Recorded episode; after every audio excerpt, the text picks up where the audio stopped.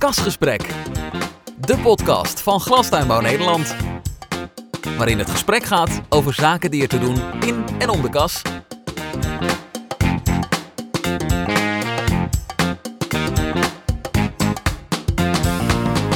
Kasgesprek. Welkom bij Kasgesprek, de podcast van Glastuinbouw Nederland over zaken die er te doen in en om de kas. Een bijzonder kasgesprek dit keer. Het is namelijk 100 dagen geleden dat Adrie Boom-Lemstra is begonnen als nieuwe voorzitter van Glastuinbouw Nederland.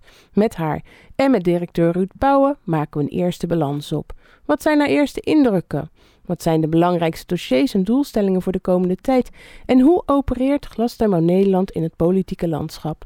Ik ben Jacqueline van Stralen en leid vandaag het gesprek. Ik ben werkzaam bij Glasdemo Nederland als communicatieadviseur. Bij mij aan tafel voorzitter Adrie Boom-Lemstra en directeur Ruud Bouwen. Welkom en fijn dat jullie er zijn. Voordat we de inhoud ingaan, wil ik eigenlijk eerst even vragen of jullie je kort voor willen stellen. Adrie, kun je kort je loopbaan even schetsen? Ja, wil ik zeker doen. Uh, ik uh, heb rechten gestudeerd, ben daarna gaan werken bij het ministerie van Verkeer en Waterstaat op een financieel-economische afdeling. Uh, ben ook vrij snel daarna de politiek ingegaan en ben van de gemeenteraad van Westland uiteindelijk hoogheemraad geworden bij het Hoogheemraadschap van Delftland. Daarna gedeputeerde bij de provincie Zuid-Holland, heb dat ook twee perioden gedaan. En nu dan voorzitter van Glastuinbouw Nederland. Dus rondom die glastuinbouw ben je wel actief al geweest, als ik je zo hoor. Ja, ik woon denk ik nu de helft van mijn leven in Westland. En dan kun je niet om de glastuinbouw heen. En als raadslid vond ik het al fascinerend. Eh, bij het waterschap, water en tuinbouw, ja, die hebben ook iets met elkaar. En in de provincie had ik portefeuille economie en innovatie. En uh, glastuinbouw zat echt in de portefeuille economie. Belangrijke sector. Kijk, dat is mooi. Ruud, even naar jou. Uh, kort uh, jouw achtergrond. Ja, dankjewel Jacqueline. Uh, mijn achtergrond is opgegroeid tussen de kassen in het Westland. Laten we daarmee beginnen. Tuinbouw gestudeerd, later bedrijfskunde gestudeerd aan de UvA. En diverse disciplines gedaan in de glastuinbouw. Zowel in de marketing als in de verkoop bij het voormalige CBT. Daarna ABN AMRO, sectormanager geweest tuinbouw. Rabobank heel lang gezeten. En sinds kort, nou, sinds kort is alweer vijf jaar inmiddels, eh, in de belangenbehartiging bij uh, Glastuinbouw Nederland. Heel mooi. Dus ook bij jou in je loopbaan, die glastuinbouw heeft altijd een prominente rol gespeeld. Absoluut. De rode draad in, in mijn leven en in mijn carrière tot heden is de glastuinbouw. Nou, fijn. Hebben we in ieder geval wel wat gemeen hier aan tafel. Goed om te horen. Kasgesprek. De podcast van Glastuinbouw Nederland. Een nieuwe voorzitter aan het roer schept nieuwe verwachtingen bij leden, medewerkers en stakeholders. Blijft de koers hetzelfde of gaat er een nieuwe wind waaien? Tijdens dit gesprek gaan we in op de belangrijkste uitdagingen van de sector en de prioriteiten voor de ondernemersorganisatie voor de komende tijd. Maar voordat we dat doen, blikken we eerst even met Adrie terug op haar eerste 100 dagen. Adrie, hoe was jouw kennismaking met de glastuinbouw? Je kende de sector al, maar ik denk dat je nu veel meer van de sector hebt gezien in die afgelopen 100 dagen. Ja, dat klopt helemaal. Ik dacht de sector te kennen. En dan ook, uh, bedoel ik ook echt de hele sector. Niet alleen productie, maar ook uh, alles wat daarmee samenhangt. Logistiek, verpakking, dat soort zaken. Uh, ik was redelijk goed op de hoogte van hoe zit het met de energieproblematiek. de huisvesting van onze werknemers. Denk, nou, dan weet ik toch al heel wat. Maar het mij is echt wel gebleken deze honderd dagen dat nou, de problematiek rondom plantgezondheid, rondom water... Arbeid breder is dan ik had gedacht aan de voorkant. Breder uh, um, en daarmee ook interessanter. Dus ik ben echt weer de diepte ingegaan op één thema. Waar ik in de afgelopen jaren veel meer op hoofdlijnen moest opereren. Heb ik nu veel meer gezien van de sector en echt de diepte ingegaan op inhoud. Dus veel meer uh, verdieping, maar ook meer thema's tot je genomen. Wat is je nou het meest opgevallen? Nou, ik dacht altijd, en, en daar ben ik nog steeds wel van overtuigd, het is, het is een prachtige sector. Met ongelooflijk veel kansen. Uh, en ik wist wel dat er wat apen en beren op de weg zouden zijn en, en ook zijn om uh, die kansen te verzilveren. Maar ik vind de problematiek is toch heftiger dan ik had gedacht aan de voorkant. Alleen al op het gebied van energie, maar ook echt op plantgezondheid en op arbeid zie je allerlei zaken vanuit de maatschappij op de sector afkomen. En dat is al volop gaande. En als we dat niet op tijd weten te pareren of ja, een goede plek weten te geven, dan, dan maak ik me zorgen over de sector en de positie die de sector heeft in Nederland. En dat is iets waar ik, eh, nou, dat is echt in deze honderd dagen mij veel scherper eh, duidelijk geworden dan daarvoor. Dat vind je terug op alle thema's. Kun je daar een explicieter voorbeeld Ja. van geven? Ja, dat wil ik zeker doen. Kijk, ik heb economie en innovatie altijd in portefeuille gehad. Waar ik ook zat, was ik daarmee bezig. En dat is ook voor deze sector echt een heel belangrijk uitgangspunt. Hè. We, we zijn een moderne sector. We lopen voorop in Nederland, maar ook in de wereld. En dat zullen we moeten blijven doen om onze positie te houden. Maar als je nu kijkt naar energie. Hè, we hebben eh, eh, al verschillende malen met elkaar, met onze leden, ook het gesprek gehad over de, de ODE. De, de, de belasting op eh, energie. Maar ook hoe gaat het met onze CO2-voorzieningen. Er zijn allerlei signalen eh, dat men bezig is met verduurzaming in Nederland, in Europa, in de wereld. Op een manier die wel eens contraproductief zou kunnen zijn aan wat wij in de glastuinbouw aan het doen zijn. Daar moeten we dus op acteren.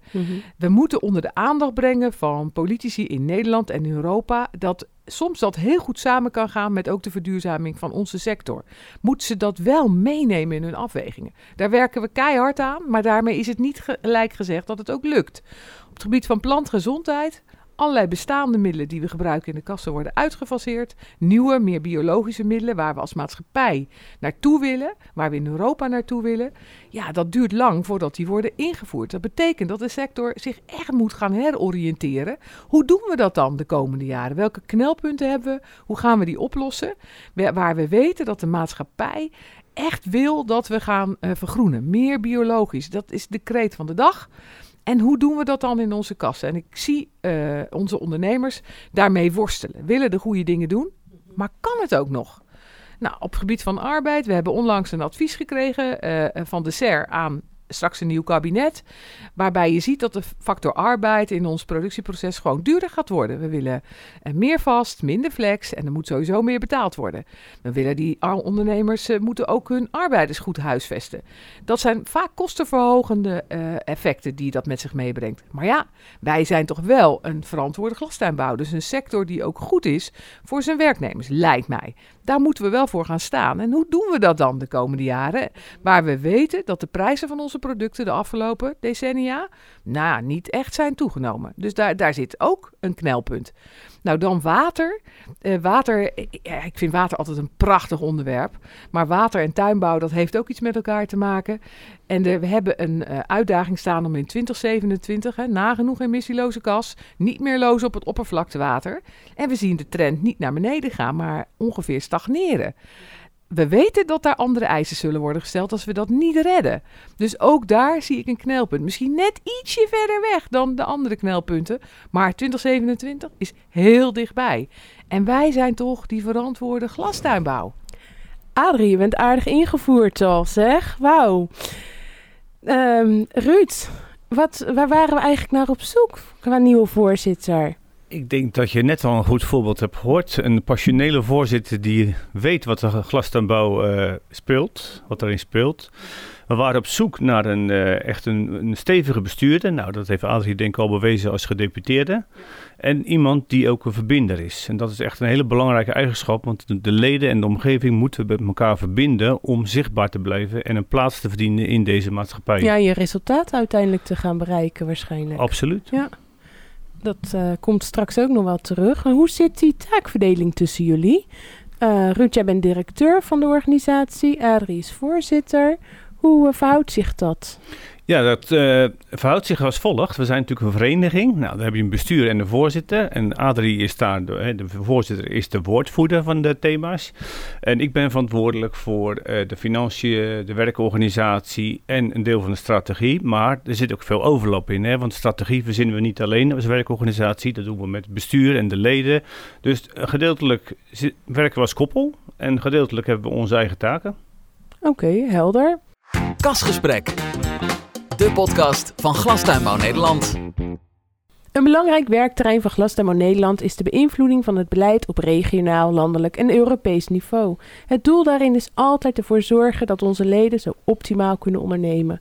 We stellen ook wel dat we bouwen aan relaties en deuren openen die voor anderen gesloten blijven. Als voorzitter heeft Adrie hier een belangrijke rol in. Adrie, als we de thema's eens even langslopen, hè? arbeid, energie, plantgezondheid, water, gezondheid en geluk, waar liggen dan volgens jou de hoogste prioriteiten in de lobby? Ja, eigenlijk zijn al deze onderwerpen belangrijk. Er zijn ook niet voor niks onze thema's. En, uh, en op alles uh, is iets te doen. En we hebben net een nieuwe Kamer gekregen, dus heel veel nieuwe Kamerleden. Dat betekent dat wij op korte termijn, maar ook de komende vier jaar, waar zolang als ze zitten in de Kamer, uh, moeten zorgen voor hele goede contacten daar. Dat betekent niet met 150 Kamerleden allemaal even goed contact, maar wel met een aantal. En, en nou, daar zijn we ook over aan het nadenken. Wat zijn voor ons echt de, de key personen die we nodig hebben in die Kamer, die ons kunnen helpen op al die thema's.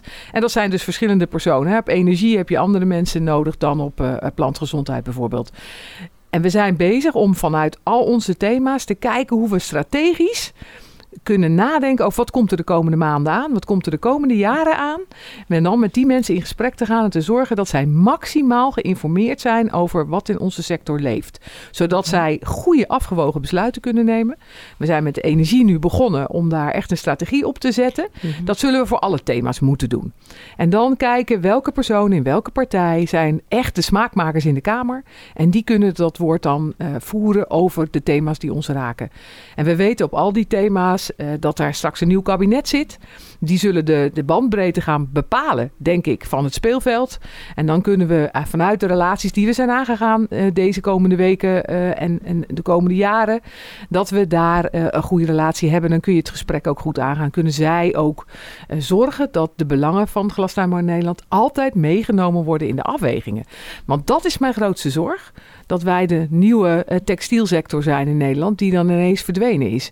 Dat moeten we voorkomen. Want zijn ze in Den Haag uh, voldoende op de hoogte van de prioriteiten die wij hebben en de randvoorwaarden die nodig zijn in die vele verduurzaming? Nee, mijn oordeel is dat ze dat niet zijn. En niet omdat wij niet genoeg gedaan hebben de afgelopen tijd. Maar je ziet dat er weer heel veel nieuwe mensen zitten. Dus die moeten weer nieuwe kennis vergaren.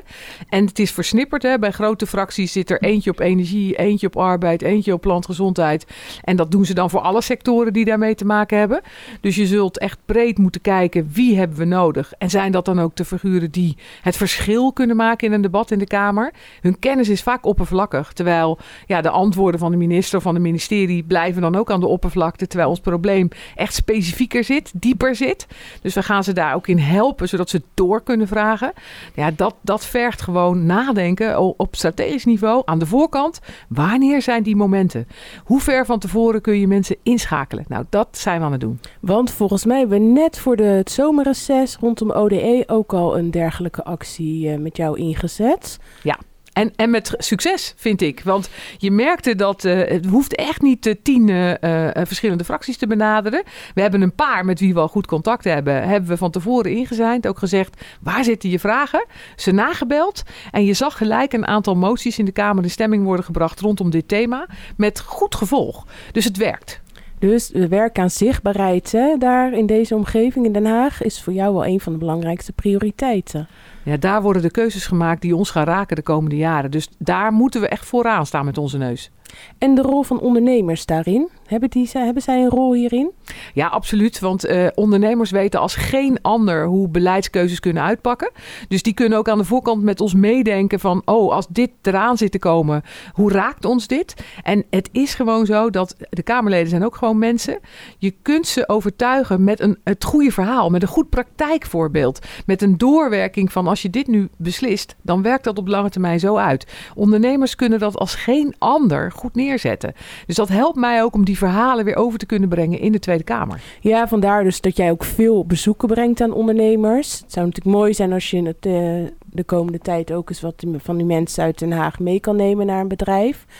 Maar uh, vanuit die praktijkverhalen, die breng jij dan weer uh, in Den Haag onder de aandacht. Ja, mijn ervaring is, een, een, een verhaal blijft altijd hangen. He, je kunt iets sturen, je kunt uh, met feitjes komen, maar die vergeet men weer. Maar het verhaal, hoe het mensen raakt, dat onthouden ze. En de, wij hebben fantastische verhalen te vertellen. Ruud, uh, voor ieder dossier, ieder thema dat we hebben, hebben we een aantal speerpunten ook opgesteld. Uh, volgens mij is dat ook zo'n uh, punt waarin jullie toch ook samen optrekken. Uh, samen met alle specialisten binnen Glastuinbouw Nederland. Kun jij ons een inkijkje geven, de luisteraar, hoe de organisatie is ingericht om te werken aan speerpunten? zoals Adrie net al aangaf, we hebben vijf thema's. Voor die vijf thema's hebben we ondernemersgroepen. En die ondernemersgroepen die bestaan uit leden. En mensen met speciale eh, kennis over dat bepaalde onderwerp. Zo hebben we bijvoorbeeld ook een ondernemersgroep CAO. Die hoort bij arbeid. We hebben een ondernemersgroep OCAP. Die hoort bij energie. Nou, voor al deze ondernemersgroepen wordt de voeding opgehaald bij de leden. En ook mensen vanuit de landelijke commissies nemen deel in die ondernemersgroep. Daarin worden uh, besproken wat de actualiteiten zijn en waar men aan moet gaan werken. Uh, ook zijn we verdeeld in zeven regio's. Dus er is een heel organogram uitgewerkt waar al die uh, ondernemersgroepen staan gesteld in de regio's. En uiteindelijk dat is hetgeen waar leden invloed kunnen uitoefenen. Dus hierbij ook de oproep, kijk eens op de website en waar u denkt, waar u invloed zou willen uitoefenen. Want we zoeken ook nog constant steeds goede mensen die gekwalificeerd zijn en kennis hebben van bepaalde dossiers. Ja, oké. Dus die uh, landelijke gewascommissies, die hebben mensen in de verschillende ondernemersgroepen. Klopt. En daarnaast zijn ook de uh, mensen uit de regio vertegenwoordigd in die ondernemersgroepen. Ja. En zo uh, werken we aan die verschillende speerpunten vanuit de praktijk. Klopt, want uiteindelijk komt dat, moet dat leiden tot voorstellen. Hè? Die worden dan voorgelegd uh, aan het bestuur. Nou, de ondernemersgroepen maken die voorstellen. Het bestuur kijkt daar natuurlijk uiteraard naar. En op basis daarvan wordt er een keuze gemaakt. Gaan we daarop inzetten of niet? Nou, uiteindelijk, hè, we zijn natuurlijk een ledenvereniging. Dus het is van en door leden. En de leden zitten echt aan het stuur. Ja, van, voor en door tuinders was ooit uh, de slogan. Zeker. Uh, maar medewerkers hebben daar, uh, die leiden die commissies, hè? die ondernemersgroepen, die regiogroepen. Uiteindelijk zijn al onze medewerkers faciliterend aan de leden. Zo moet je het gewoon bekijken. Oké, okay, duidelijk. Kasgesprek, de podcast van Glastuinbouw Nederland. Glastuinbouw Nederland heeft een belangrijke netwerkfunctie. We brengen ondernemers bij elkaar, maar we zorgen er ook voor dat de verschillende organisaties bij elkaar aan tafel komen op het moment dat dat nodig is. Adrie, je bent ook voorzitter van Greenports Nederland. Wil je uitleggen hoe deze functies naast elkaar bestaan? Voor eerst denk ik dat het belangrijk is om te melden dat ik er echt in geloof dat de uitdagingen op dit moment in de maatschappij en ook dus voor onze sector, de glastuinbouw, zijn groter dan ooit. En de oplossing om al die uitdagingen te lijf te gaan, kan alleen maar door samenwerking tot stand worden gebracht met die gedachte is ook Creamports Nederland uh, een paar jaar geleden opgericht. Dat is natuurlijk breder dan alleen productie. Hè? Dat is een hele cluster. Uh, en een samenwerking tripartiet tussen uh, overheden aan de ene kant, kennisinstellingen aan de andere kant en bedrijven aan de derde poot. Die samenwerking op thema's die nationaal spelen, wordt in Creamports Nederland worden de belangen daarvan behartigd. En ik vind het heel mooi dat het is opgericht ooit door uh, provincies. Was ook gezegd, nou, gedeputeerde moet voorzitter zijn. Maar ze hebben gezegd, joh, jij was nu voorzitter, zou je het door willen trekken? In ieder geval nog het komende anderhalf jaar, omdat we nog in een soort opbouwfase zitten. En dan kun je vanuit die dubbelfunctie, voorzitter Glastuinbouw Nederland en voorzitter Greenports, ook een aantal dubbels eruit halen. Nou, dat doe ik met alle plezier. En juist doordat ik ook nu veel meer de inhoud inga, kan ik ook makkelijker de dubbels eruit halen, is mij al wel gebleken. En die Greenports, ja, die, die gaan vanuit de regionale Greenports die er zijn, eigenlijk in heel Nederland. En op de dag van vandaag denk, denkt men al over het oprichten van nog meer Greenports. In, uh, in Brabant is men aan het nadenken. Ik weet dat ze in Drenthe aan het nadenken zijn hoe dat uh, vorm te geven. Vanuit die regionale uh, problematieken die er daar zijn, zijn er altijd vraagstukken die op landelijk niveau aangepakt moeten worden. Daar kan Greenports Nederland een rol in spelen om iedereen die daar in die Greenports vertegenwoordigd zijn, in zijn kracht te zetten. En een beetje de, de, de netwerken te, tot elkaar te brengen. En dan gezamenlijk grotere slagkracht te ontwikkelen. Nou, dat ben ik aan het doen. Dus de Greenports die zorgen echt voor de verbinding met de overheden. Ja, de LNV heeft ook wel gezegd ooit uh, van joh, als ik uh, tuinbouw bel, wie moet ik dan bellen? Er is niet één nummer. Nou, dat klopt. We hebben best een, uh, een, een, sector die een hoge organisatiegraad kent. Nou, dat is niet per se verkeerd, maar dat betekent wel dat er afstemming moet plaatsvinden. Dat je niet dingen dubbel gaat doen. Of als je ze dubbel doet, dat je dat bewust dubbel doet. Nou, daar proberen ook de Greenports vanuit die kennis die ze hebben, ook van het overhedendomein, samen met de onderwijsinstellingen en samen met de bedrijven te kijken, wat zijn dan die beste oplossingen? Wie kan het beste oppakken? Is dat in het ene geval is dat misschien Glastuinbouw Nederland. In het andere geval is het een andere organisatie of is het een kennisinstelling die de lead moet nemen. Soms is het Rijk dat de lead moet nemen. Dat proberen we daar af te stemmen op basis van het tuinbouwakkoord dat is gesloten. Waarin alle uitdagingen voor de sector zijn beschreven. En wat is nou eigenlijk voor de leden de meerwaarde dat jij die dubbele rol hebt? Nou, ik hoop dat die erin zit. Dat eh, eh, we de dubbelingen eruit gaan halen. Dat we iedereen in zijn kracht gaan zetten. En dat we meer impact hebben op, op de samenleving, op de maatschappij, op de vraagstukken die er landelijk dan wel Europees zijn. En dat we daarmee meer, ja, meer gaan bereiken. Duidelijk. Samenwerking is een belangrijk onderdeel van onze organisatie, van onze vereniging. Um, Ruud, dat uh, landschap van organisaties binnen de sector, dat is uh, vrij uh, divers en vrij breed. En het kan denk ik voor leden best wel complex overkomen. Kun jij een, ja, toch eens even schetsen wat nou onze belangrijkste partners zijn? Jazeker. wij staan natuurlijk opgesteld vanuit de productiekant van de glastuinbouw. En we werken heel nauw samen, want die wil ik er even uitlichten, met de afzetkant, met Groente Fruithuis en met Flora Holland. En daarnaast werken we ook nog samen heel nauw met LTO Nederland. Want we hebben met elkaar ook gezegd, uh, het gebeurt in Brussel. Daar wordt uiteindelijk het beleid gemaakt, maar we hebben daar eigenlijk geen lobbyist lopen. Nou, gelukkig hebben we daar sinds vorig jaar een eigen lobbyist uh, kunnen zetten.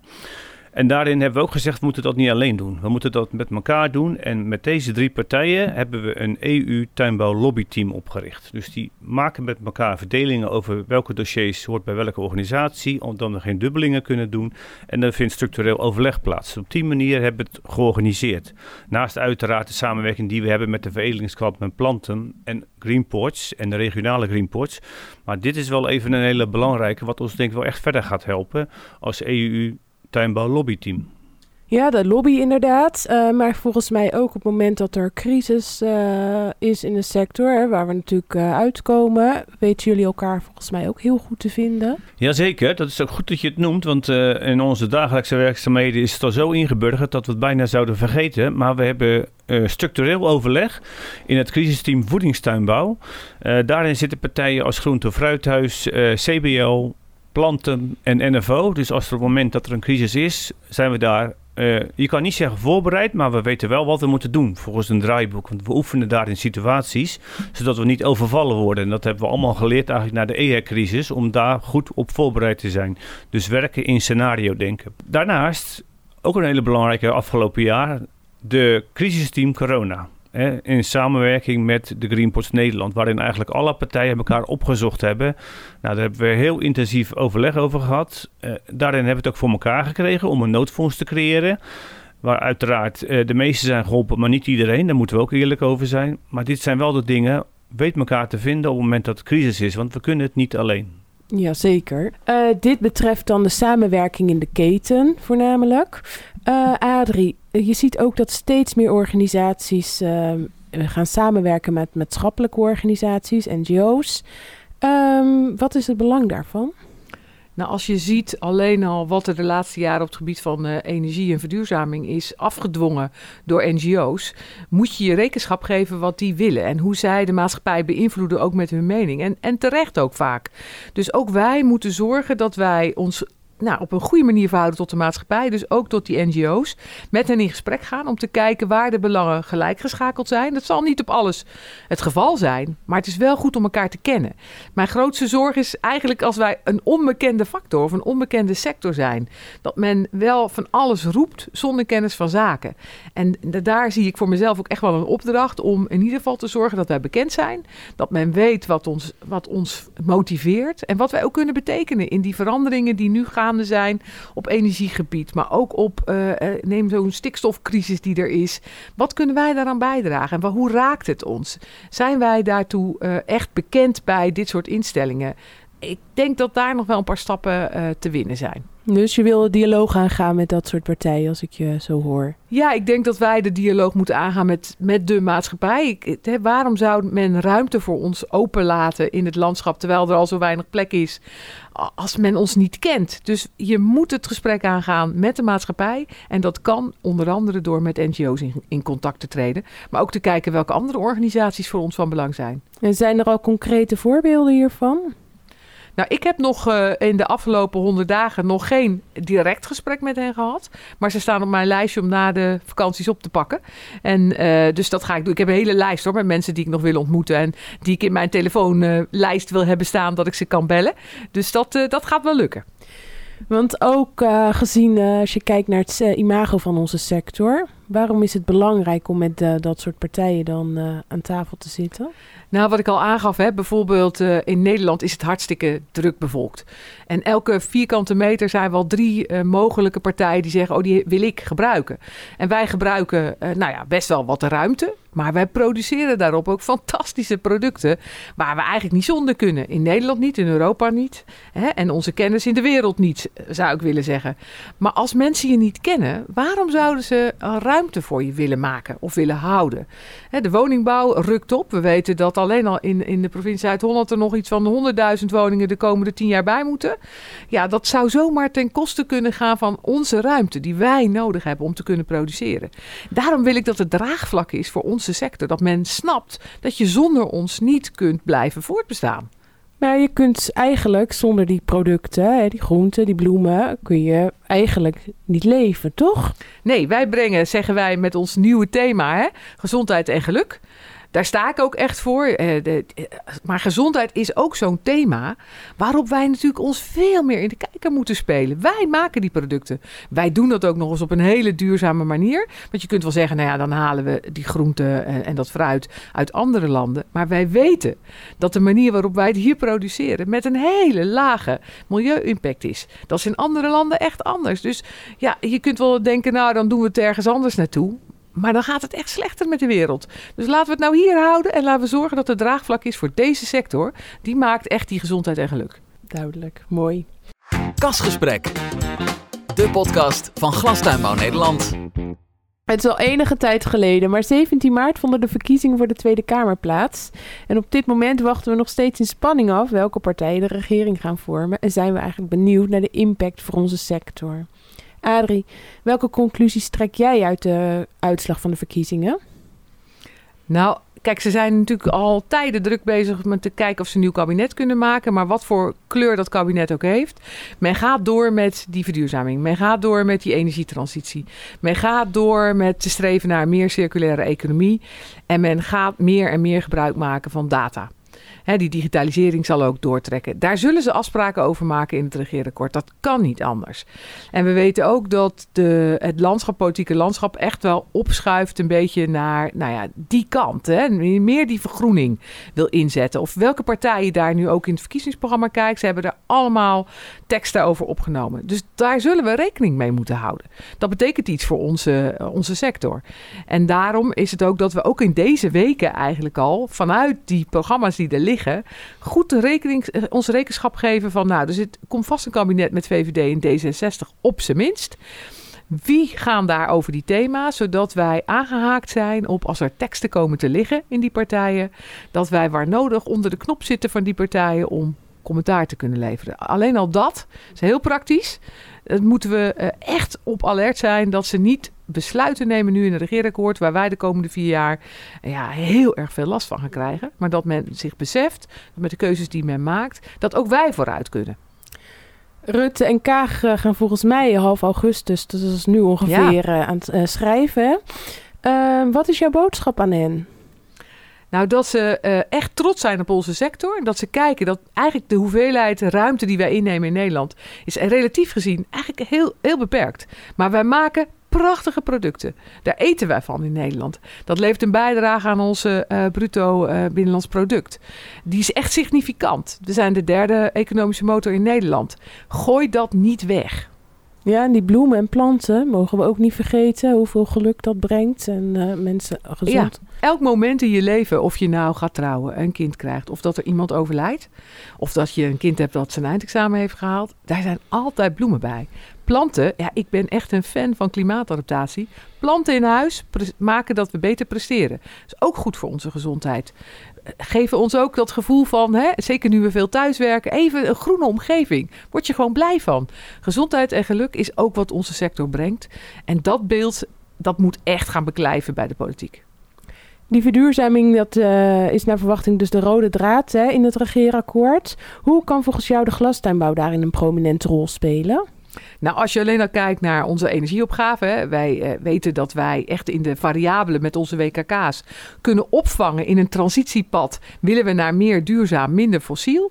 Maar je kunt nooit van dag 1 op dag 2 ineens dat helemaal hebben veranderd. Dat is een pad waar langs je moet gaan. Onze WKK's kunnen de fluctuaties in de vraag en aanbod opvangen. Wij kunnen daarbij helpen. Hè, wij kunnen een deel van de overtollige warmte gebruiken in onze kassen. We kunnen de CO2 gebruiken in onze kassen. Daar zijn wij echt een sector die mee kan helpen in die transitie. Als je kijkt naar uh, uh, verduurzaming op het gebied van uh, plantgezondheid, ja, daar moeten nog wel een paar stappen genomen worden. Men wil naar helemaal biologisch, geen chemie meer in die kassen. Nou, als je kijkt naar wat wij de afgelopen jaren al hebben bewerkstelligd op dat gebied, we zijn echt enorm teruggegaan in het gebruik daarvan. Als je naar de overzichten kijkt van welke sector dan ook, lopen wij daarin voorop. Moeten we ook nog stappen zetten? Kunnen we ook, maar dan moeten ze ons wel helpen met het toelaten van nieuwe biologische stoffen. Dat soort zaken, nou, daar moeten ze echt in regeerakkoord, maar ook in Europa, echt goede afspraken over maken. Nou ja, arbeid hebben we net al iets over gezegd. Nieuwe SER-advies. Ja, je kunt wel zeggen dat alle werknemers in Nederland het liefst een vast contract moeten hebben. Maar wij hebben heel veel uh, uh, werknemers in onze sector die ook niet per se een, een, vast contract willen. Die gewoon de flexibiliteit willen hebben om af en toe naar hun eigen land toe te gaan.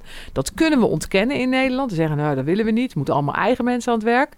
Ja, dat is je kop in het zand steken. Wij weten dat niet alleen in onze sector, maar ook bijvoorbeeld in de logistiek en in de zorg, mensen vanuit andere landen altijd nodig zullen zijn de komende tientallen jaren, denk ik eigenlijk wel.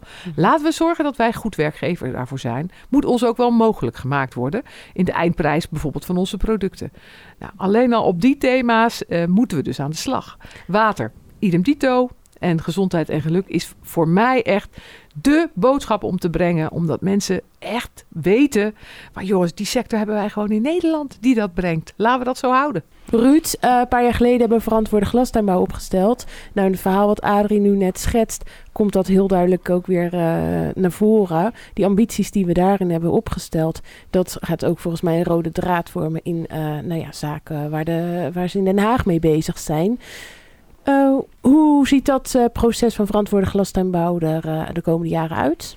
Ja, verantwoorde glastuinbouw, dat is natuurlijk onze missie en visie. En het betekent eigenlijk dat we toen al hebben besloten met elkaar, hè, want het is gemaakt uh, met de leden. Daar hebben we heel veel sessies aan besteed. En ook gezegd, willen we nou naar die vergroening en die verduurzaming toe, die nodig is om die continuïteit voor die sector te behouden, moeten we daar langzaam aan gaan werken. Dus wat doen we? Elke keer kijken we met de themaspecialisten, zitten we nog op koers? Moeten we het een beetje bijstellen? Of zijn er nieuwe actualiteiten bijgekomen waardoor we de koers moeten veranderen? Het is puur ook bedoeld om met elkaar koers te houden en langzaam naar die piramide omhoog te gaan van die verduurzaming en die vergroening. Kasgesprek, de podcast van Glastuinbouw Nederland. We gaan naar een afronding alweer van het gesprek. En uh, daarin heb ik eigenlijk een vraag voor jullie, dezelfde vraag voor jullie allebei.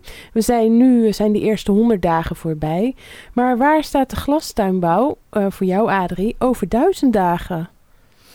Ja, voor mij een hele uh, belangrijke uitdaging die ik voor mezelf zie om de komende tijd in te gaan vullen, is de organisatie, maar ook het bestuur meenemen naar uh, hoe gaan we nou strategisch onze doelen bereiken.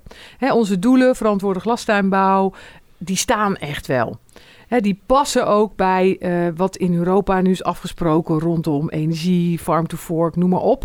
Daar passen die doelen prima in. Alleen hoe komen we er nou? Ik zie heel veel ondernemers die bezig zijn met vandaag. En misschien ook nog wel met volgend jaar. Maar we moeten natuurlijk die lijnen vanuit Europa en ook denk ik straks van een nieuw kabinet zijn langer. En hoe komen we nou bij onze doelen op een goede manier? Het nadenken over een strategie. Hoe bereik ik mijn doelen? Dat is voor mij echt een, een hele belangrijke rode draad om de komende tijd op in te gaan zetten. Met iedereen die ik tegenkom binnen de organisatie, ons bestuur, onze leden, maar ook daarbuiten.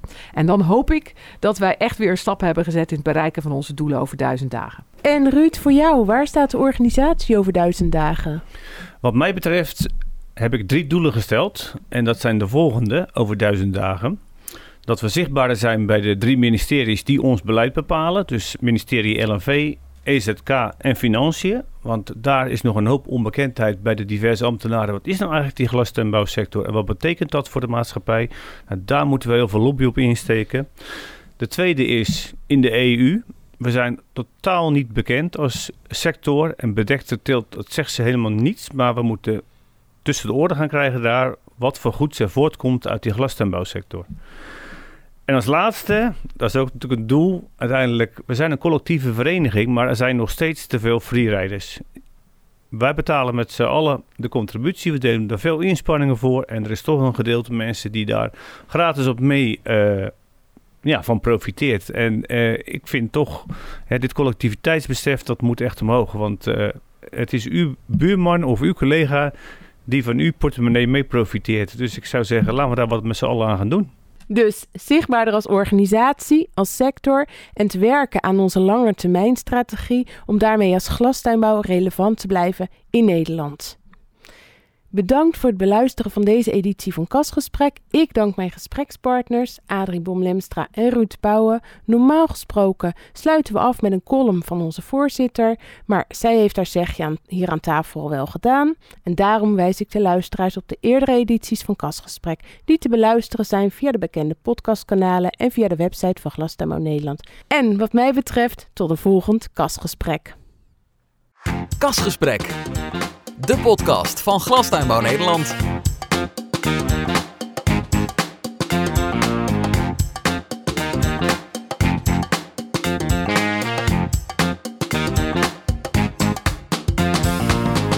Kasgesprek